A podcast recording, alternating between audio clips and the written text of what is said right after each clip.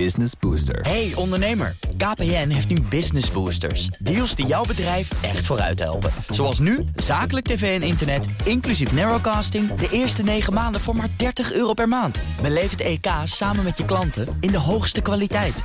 Kijk op kpn.com slash businessbooster. Business Booster. BNR Mobility wordt mede mogelijk gemaakt door ALD Automotive en BP Fleet Solutions. Today, tomorrow, together. BNR Nieuwsradio. Mobility.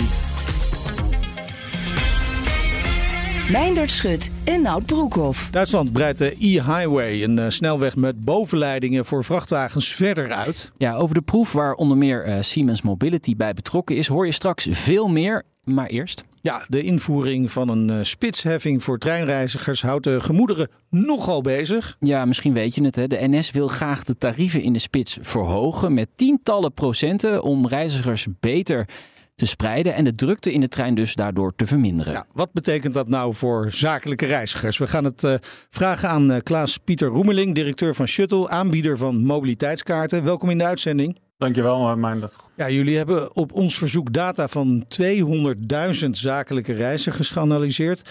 Uh, stel nou, zo'n spitsheffing komt er. Hè? Welk percentage van deze reizigers raakt dat? Ja, dat raakt het uh, merendeel van de, van de zakelijke reizigers. Uh, en als je exact is, twee derde van alle reizigers uh, reizen op dit moment in de spits.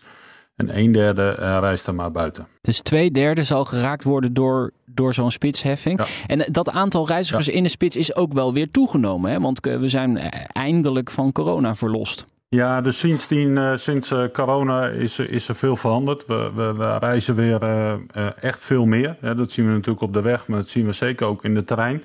Dat merken we ook. De terreinen zitten vol. De, ik denk daarom ook de wens van de NS om die spitsheffing te gaan introduceren. Terwijl het eigenlijk een positief ding is dat we weer meer met het openbaar vervoer aan het reizen zijn. Als je dat ook vergelijkt ten opzichte van, van corona. In coronatijd reisde uh, 60% uh, uh, in de spits zaten we dan wat meer buiten. Maar voor corona was dat uh, zelfs 85%. Dus we reizen al wat meer buiten de spits met twee derde. Maar uh, zeker ten opzichte van corona. Ja. Maar het is nog steeds heel veel. Ja, dit gaat natuurlijk uh, om een analyse van 200.000 zakelijke reizigers uh, die via jullie reizen, hè, via jullie kaart bijvoorbeeld. Ja. Ik kan me voorstellen dat dit gewoon representatief is voor de hele groep reizigers in de spits. Ja, in ons oog is dat representatief, want we hebben alle, we hebben en medewerkers die bij de overheidsinstanties werken tot, tot grote corporate bedrijven, maar ook bedrijven als MKB'ers en ZZP'ers in ons klantenbestand.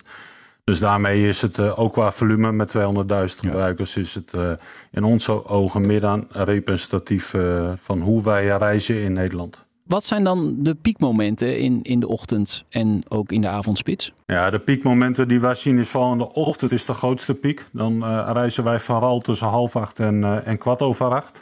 Uh, de ochtendspits is ook zwaarder dan de avondspits.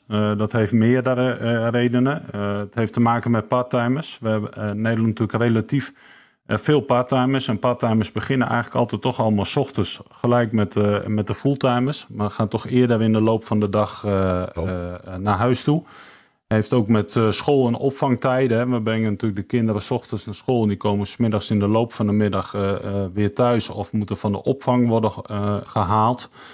Uh, ja, die spreiding is er smiddags meer daardoor in de, ja, ja. Uh, dan in de ochtend, waar we eigenlijk met z'n allemaal uh, tegelijk willen beginnen. Maar, maar, kun je er ook een percentage op leggen? Hoeveel zwaarder de ochtendspits is dan de, de avondspits? Ja, de ochtendspits is ongeveer 20% zwaarder dan de avondspits. Okay. Ja, Dat, is, dat is vrij fors. Dat is vrij fors. Dan zou je kunnen zeggen, dan zou je misschien die spitsheffing alleen voor de ochtendspits kunnen invoeren. Ja, maar ook daarin, kijk, je gaat niet voor de lol een drukke trein in. En de treinen tussen half acht en kwart over acht zitten gewoon vol. Ja. Dus veel mensen die in de spits reizen, doen ze, dat doen ze niet vanuit nou ja, een stuk eigen belang of eigen keuze. Het is vaak inherent aan, uh, aan het werken dat zij hebben. Dat ze ook daadwerkelijk ook met, uh, nou, dat ze op een bepaald tijdstip gewoon op hun werk moeten zijn. Ja, en in onze ogen gaat daar een spitsheffing gaat daarin niet echt uh, helpen. We zien ook wel verschil tussen, als je kijkt, want ten opzichte van voor corona reizen we wel wat meer buiten de spits. Maar dan zien wij uit, uit onze analyse dat dat vooral het zakelijke verkeer is. Dus woon-werkverkeer is heel veel in de spits. Mhm. Maar zakelijke reizen waar je toch al wat meer zelf keuze hebt van hoe laat doe ik een afspraak. Daarmee Ja, zie ja. je dat dat al veel meer buiten Dus, de dus spits klantenbezoek, eh, congressen, dat soort dingen. Ja, die worden al bewust al wat later gepland, zodat het reizen daar naartoe, zowel met de auto als met het openbaar vervoer, dat dat gewoon al een stuk makkelijker is. Dus wat wij zien inderdaad, de flexibiliteit die de mensen kunnen hebben om, om flexibel te kunnen reizen, dat die ook wel behoorlijk wordt opgezocht. Dus ja, wat, dan, dan, dan hebben wij onze vraagtekens wat een spitsheffing dan echt Ja, gaat, want de, de eh, bedoeling van die spitsheffing is natuurlijk om voor meer spreiding te zorgen. Maar je zegt eigenlijk, ja, dat, dit gaat niet gebeuren. Je gaat alleen maar eh, mensen, maar ook bedrijven met meer kosten opzadelen. Ja, of je drijft ze, dat, dat, dat, wat wij zien. En dat zien we ook bij ons, eh, dat zien we ook heel erg bij de werkgevers. En dat zien we ook hoe mensen gestimuleerd worden om anders te reizen. Een Nederlander stu- stimuleer je alleen maar op een financiële manier. Dus je kan meer mensen in het openbaar voer, dat is ook een wens van de regering. Eh, je kan je alleen maar in het openbaar voer krijgen als die OV-kilometer goedkoper blijft dan de auto. Dat Ja. is op dit moment zo. Dat is wel iets wat we moeten koesteren. Want op het moment dat eh, eh, OV duurder wordt en, die, en dat risico bestaat met de spitsheffing. Als het OV duurder wordt dan de auto, ja, dan, dan is er geen financiële stimulans meer. En ja, waarom zou je dan nog het openbaar voer pakken? En met het risico dat je mensen nog meer de auto eh, weer injaagt. Ja, en dat is volgens mij een eh, ongewenste richting die we opgaan. Ja, maar het kan er ook voor zorgen dat werkgevers gaan nadenken. Denken, ja, misschien moeten we toch maar eens die tijden aanpassen. Dan gaan we een half uurtje later beginnen of een uurtje later beginnen op kantoor. Dus het, het kan ook eh, werkgevers natuurlijk aan denken zetten. Ja, wij- wat wij zien is dat bij veel bedrijven, en we zien daar ook wel verschillen in bij, bij, bij, bij onze klanten. Dat bij bedrijven waar dat kan, dat, die, eh, eh, dat je al flexibel mag starten wanneer je wil. Dat je ook na, of eerst thuis je mail kan doen en daarna naar kantoor komt.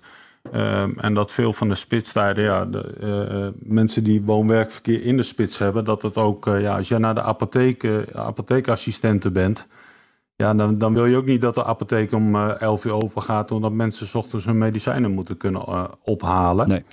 En heel veel ja, andere bedrijven, of het zit aan productieprocessen of met andere afspraken of aan cao's gebonden.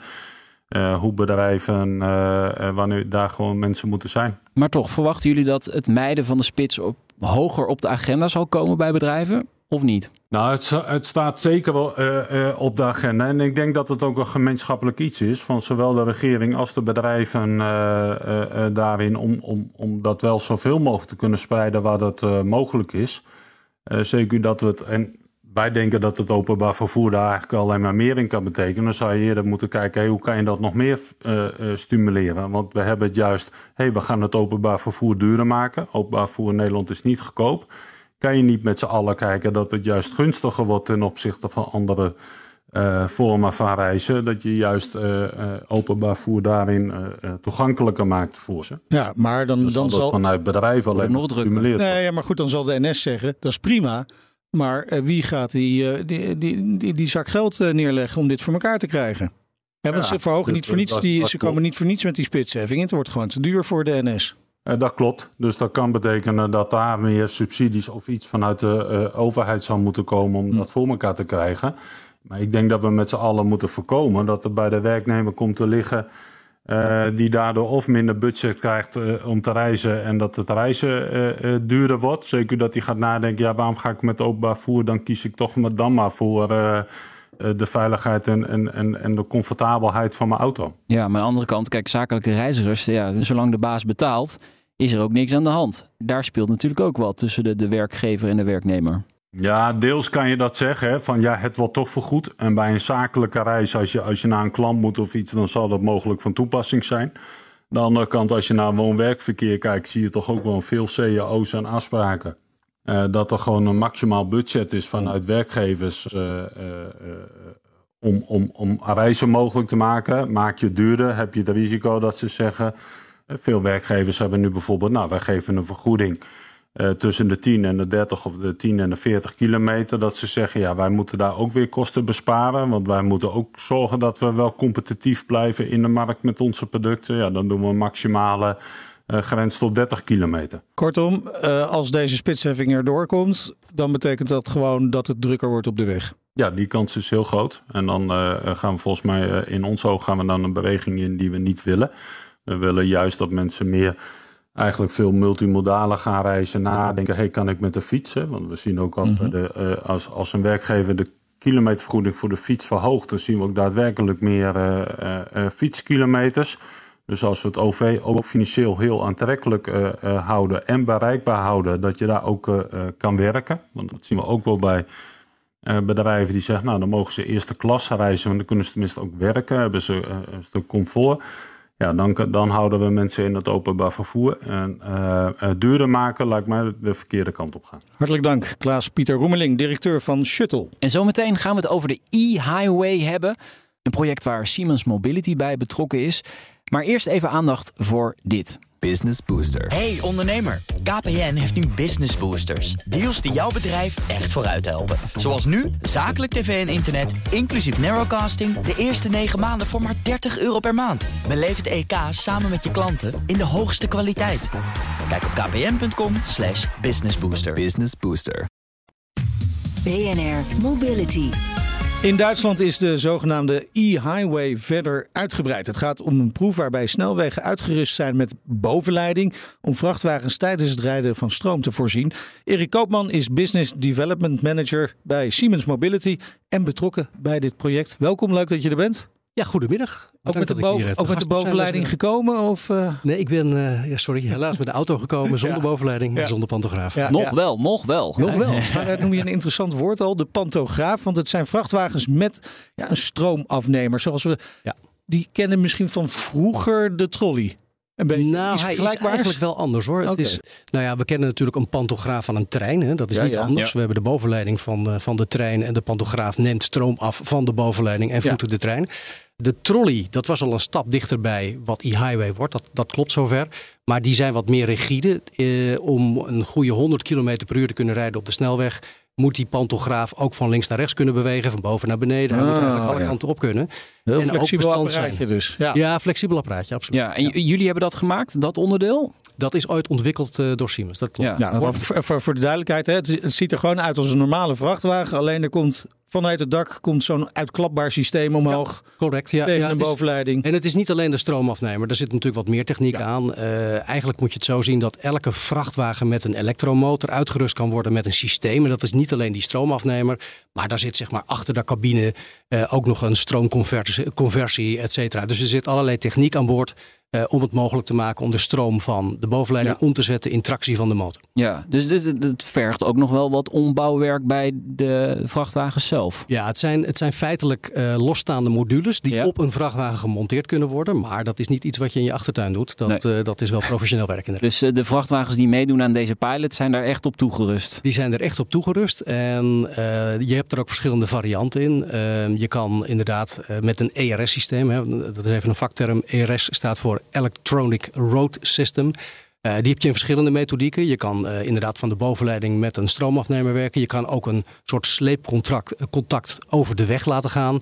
En ja. je kan ook inductief rijden. Dat zijn eigenlijk de drie varianten van ERS-systemen. Oké. Uh, en wij hebben in Duitsland, zoals jullie al aankondigden, ja. inderdaad een systeem gebouwd op drie plekken. Uh, waarbij er met de stroomafnemer van de bovenleiding wordt uh, gewerkt. Ja, want van alle technieken, daar zijn wel proeven. Er zijn in Engeland proeven, in Zweden zijn er proeven, maar dus ook in Duitsland met die bovenleiding in elk geval. Wat, wat maakt deze techniek nou interessant voor vrachtwagens? Ja, voor de vrachtwagens zou het uiteindelijk uh, niet heel veel uitmaken, denk ik, welke techniek er gebruikt wordt, mits er maar niet alleen gereden kan worden. Uh, vanuit een voedingsbron, maar ook vooral geladen kan worden tijdens het rijden. Ja. Dat laatste is eigenlijk de, ja, de toepassing waar we naartoe moeten. Uh, omdat een vrachtwagen, een elektronische vrachtwagen, die zal zich goed deels laden via een, uh, zoals we dat ook bij de auto's kennen, een, uh, een stekker. Ja, om het zo ja. te zeggen. Dat zijn overigens bij vrachtwagens wel enorme stekkers. Het is niet een, een, een vrij handzaam modelletje. Het is een enorme stekker, want er moeten hoge vermogens door de, ja. door de kabel heen.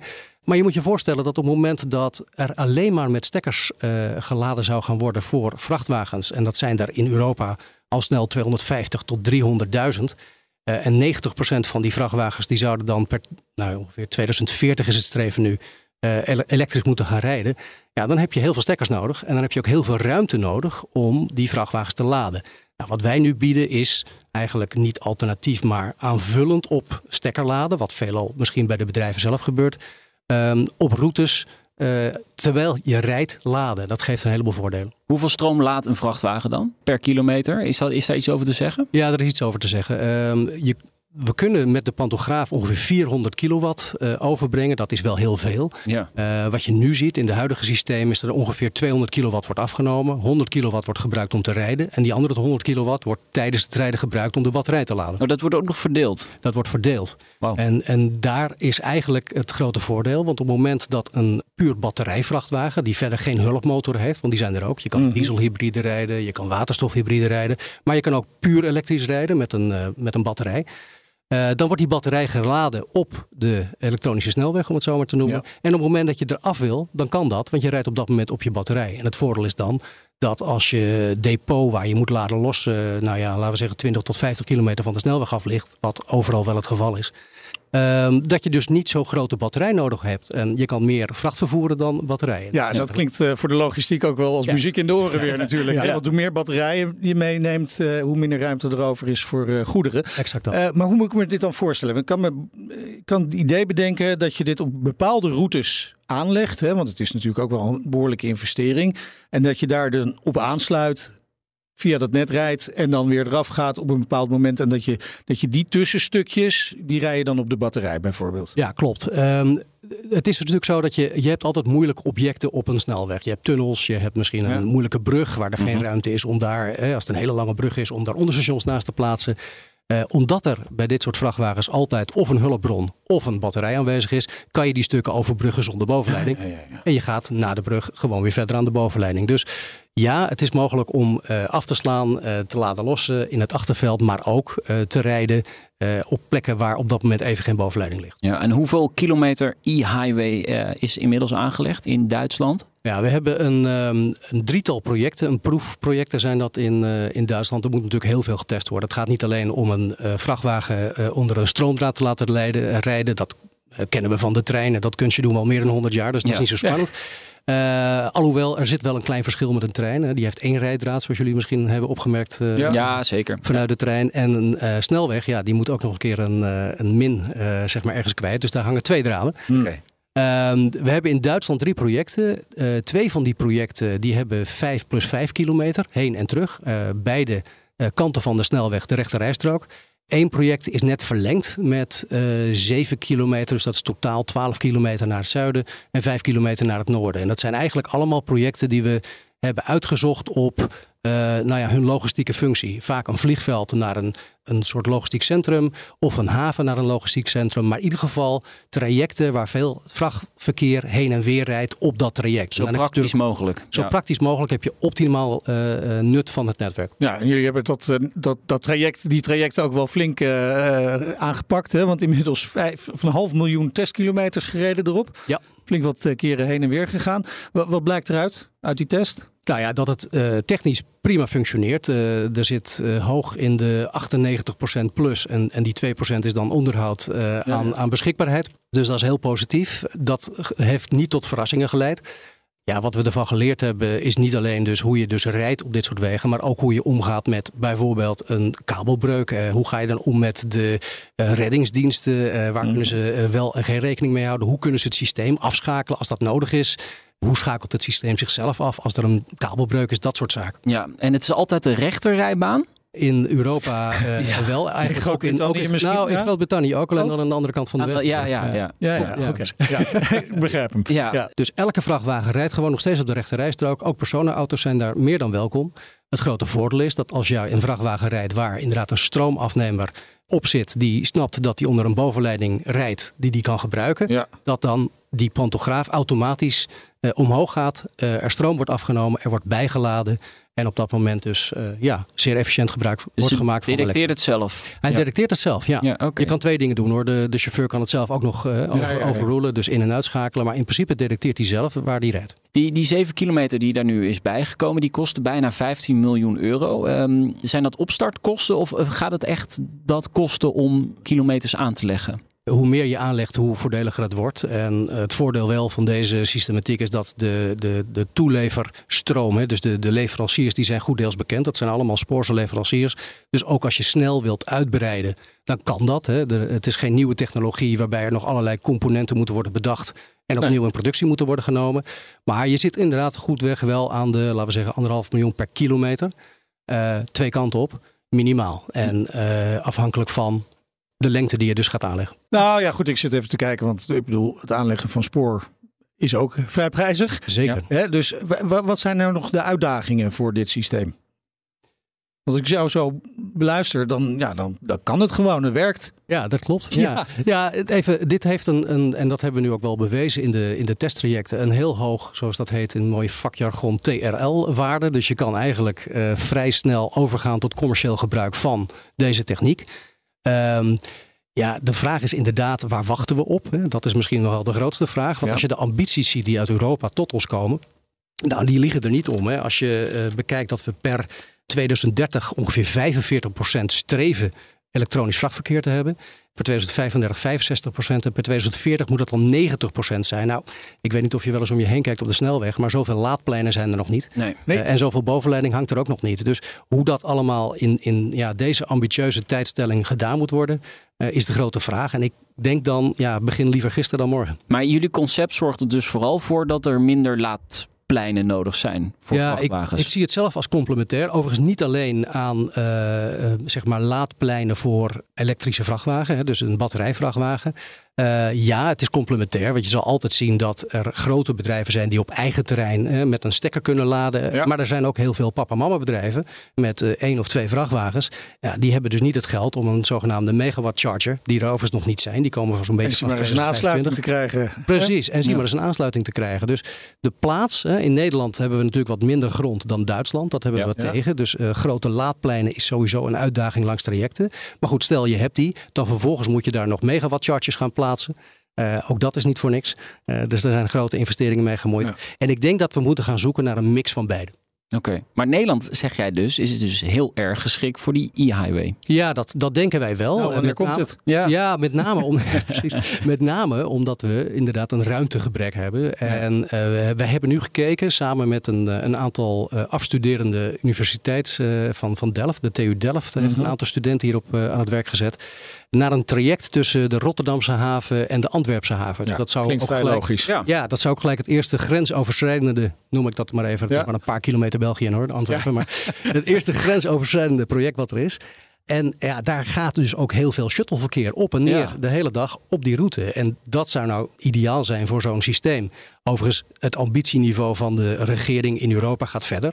Um, er is een zogenaamd e-core initiatief en dat praat al over van Rotterdam naar Boedapest met een ERS-systeem. Okay, dus ja. then we're talking, maar ik denk dat dat nog wel een paar ja. jaar op zich gaat wachten. Ja, maar aan jullie zal het dus niet liggen. Maar wat houdt dit tegen om dat traject tussen Rotterdam en Antwerpen aan te leggen? Uh, ja, we hebben natuurlijk wel een aantal stakeholders uh, nodig die hierin willen investeren. Niet in het minste de overheid. Hè. Het ministerie nou. van, uh, van INW is wel al jaren actief om alle soorten systemen die er zijn goed te onderzoeken. Uh, ook interviews te houden onder de bevolking bijvoorbeeld. Ja. Ook interviews te houden met vervoerders en stakeholders. INW zal op haar beurt Rijkswaterstaat dan weer moeten verzoeken. Wilt u alstublieft een, een, uh, nou ja, een traject aangaan en ja, daarmee praten ja. met de industrie. Dat hoeft niet alleen Siemens te zijn, nee. iedereen kan dit in principe aanleggen. Maar uh, ga praten met wat er mogelijk, de bedrijven die dit mogelijk kunnen maken. Ja, en als die opdracht daar is, dan moet je samen gaan werken aan hoe gaan we een, een traject implementeren. Nou, INW al een aantal jaren bezig, Rijkswaterstaat nog niet. Dus dat zou eigenlijk een oproep zijn om in ieder geval uh, daar eens een stap te gaan zetten. Nou, bij deze. Uh, wij hebben nog uh, Railgood gesproken. Dat is de organisatie voor spoorgoederenvervoerders. En die zijn eigenlijk niet zo fan van het e-highway project. En dan citeer ik directeur Hans-Willem Vroon. Hij zegt, ja, het is eigenlijk een duur mislukt Duits experiment, zegt hij, waar de Duitse logistieke brancheorganisatie afstand van heeft genomen. Hij zegt ook, zonder om belastinggeld in Nederland in een technologie te stoppen die in ons grote buurland met leidende industrie reeds is mislukt. Dus nu ben ik heel benieuwd naar jouw ja. standpunt over wat hij daarover zegt. Ja, ik snap wij, dat hij zijn eigen branche wil. Nee, begrijp ik. En, en even, die branche vertegenwoordigen wij ook. Hè. Ja. Mobility is zeer actief in de spoorbranche. Uh, wij uh, leveren onder andere locomotieven voor diezelfde spoor, spoorwegvervoerders. Uh, wij kennen de uitdagingen en wij, wij vinden ook dat eigenlijk er een behoorlijke model shift moet plaatsvinden van de weg naar het spoor. Alleen als je bekijkt dat de, uh, de goederenvervoer-business aan zich al 30% gaat groeien tegen 2030. En dan heb ik het niet alleen over ehm, het spoor, maar ook over de weg en ook over de lucht. En zelfs al zou je daar het merendeel van naar het spoor brengen, dan heb je nog steeds een enorme stijging op de weg.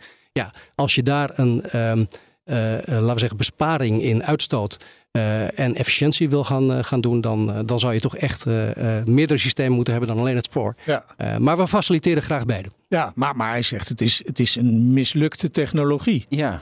Ja, ik, ik heb geen idee waar hij dat op baseert. Want uh, ik weet niet of er mensen zijn geweest die onlangs nog terug zijn gereden van vakantie uh, langs bijvoorbeeld Frankfurt, een veelgebruikte weg uh, ja. om naar, het, naar het oosten te rijden.